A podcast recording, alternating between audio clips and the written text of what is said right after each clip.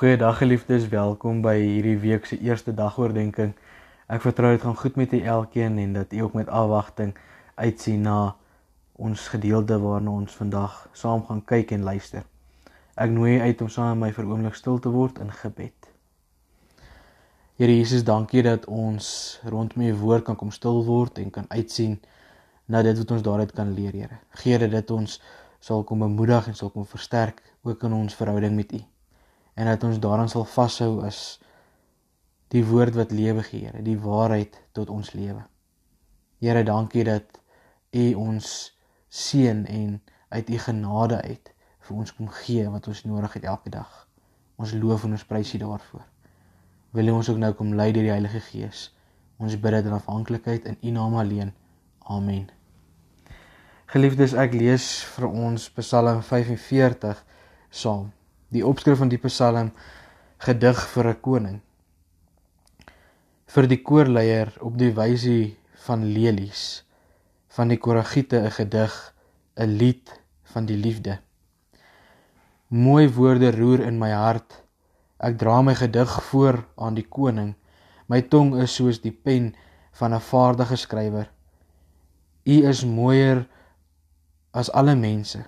Oor die lippe vloei net vriendelike woorde want die hele lewe lank seën God u Kom held, maak u reg vir die stryd.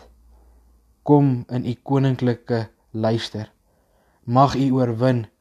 Knoop die stryd aan vir die waarheid en vir die reg van die hulpelose. U is geroepe tot magtige dade.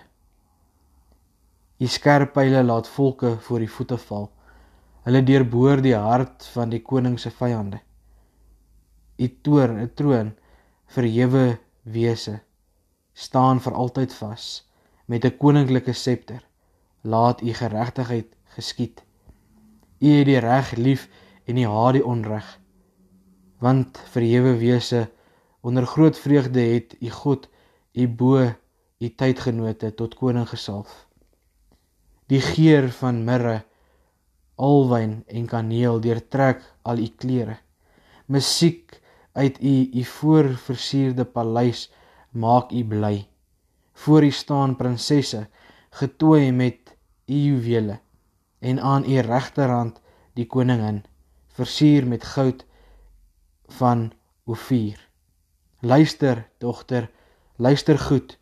Neem afskeid van u volk en u familie want u skoonheid bekoor die koning. U behoort aan hom. U moet hom eer. Dogter van Tyrus Die rykes van die volk laat die guns soek met geskenke. In louter pragt staan die koningin daar in haar kleed van goud brokaat. In haar veelkleurige rok word sy na die koning toe gelei. Sy en haar gevolg van jong meisies, haar vriendinne word na u toe gebring. Onder uitbundige vreugde word hulle ingelei. Betree hulle die paleis van die koning. Mag u seën sê om u gesag of u geslag voor te sit dat u hulle kan aanstel tot regerders in die hele land. Mag deur my lied die roem van u naam oor geslagte strek sodat volke u vir altyd sal prys. Ons lees vandag tot sover. Geliefdes hierdie psalm kom bring 'n heeltemal 'n verandering in die atmosfeer en die fokus as wat ons voorheen in die voorafgaande psalms gehad het. In die vorige psalms was dit psalms van worsteling en van smeekgebede. Maar nou kom verander dit. Ons sien hier dat die koragiete 'n gedig kom voorhou aan die koning. En dan gaan dit oor die verheerliking van die koning se heldhaftige oorwinnings wat geregtigheid laat geskied dat sy skoonheid en sy wysheid aan God se seun toegeskryf word. Sy opdrag as koning word verbind aan sy stryd vir die waarheid en vir die reg van die hulpeloses. Sy invloed word vergelyk met die van 'n verhewe wese. Daarom die koning aan die een kant.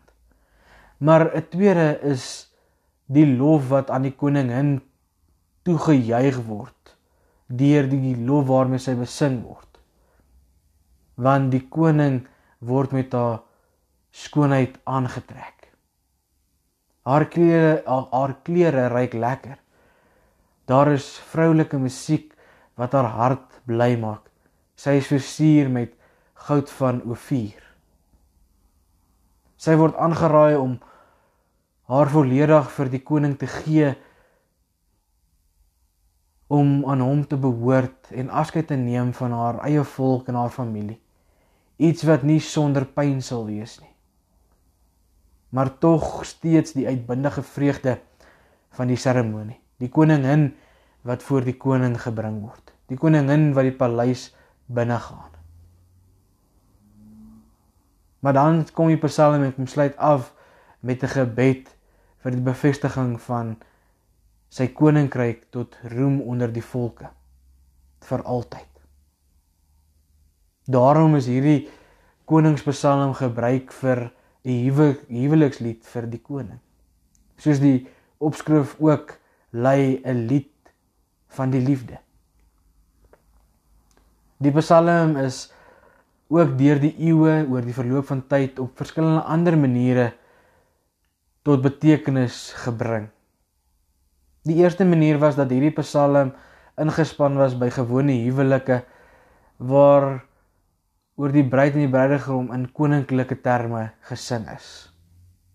'n Tweede manier was waar die psalm 'n messiaanse interpretasie gekry het soos ons dit lees in Hebreërs 1 vers 8 tot 9 waaruit psalm 45 vers 7 en 8 aangehaal word en op Christus van toepassing gemaak is.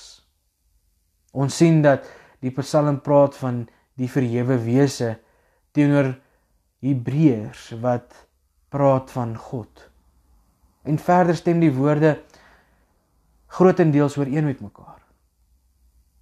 'n Derde manier hoe hierdie Psalm oor tyd gebruik is, is die manier hoe Paulus dit gebruik het moontlik as 'n vertrekpunt vir sy beskrywing van die huweliksverhouding as soort soortgelyk aan die verhouding tussen Christus en sy kerk. Daarom kry ons vandag uit Psalm 45 opnuut waardering vir die huwelik. 'n Huwelikslied van liefde.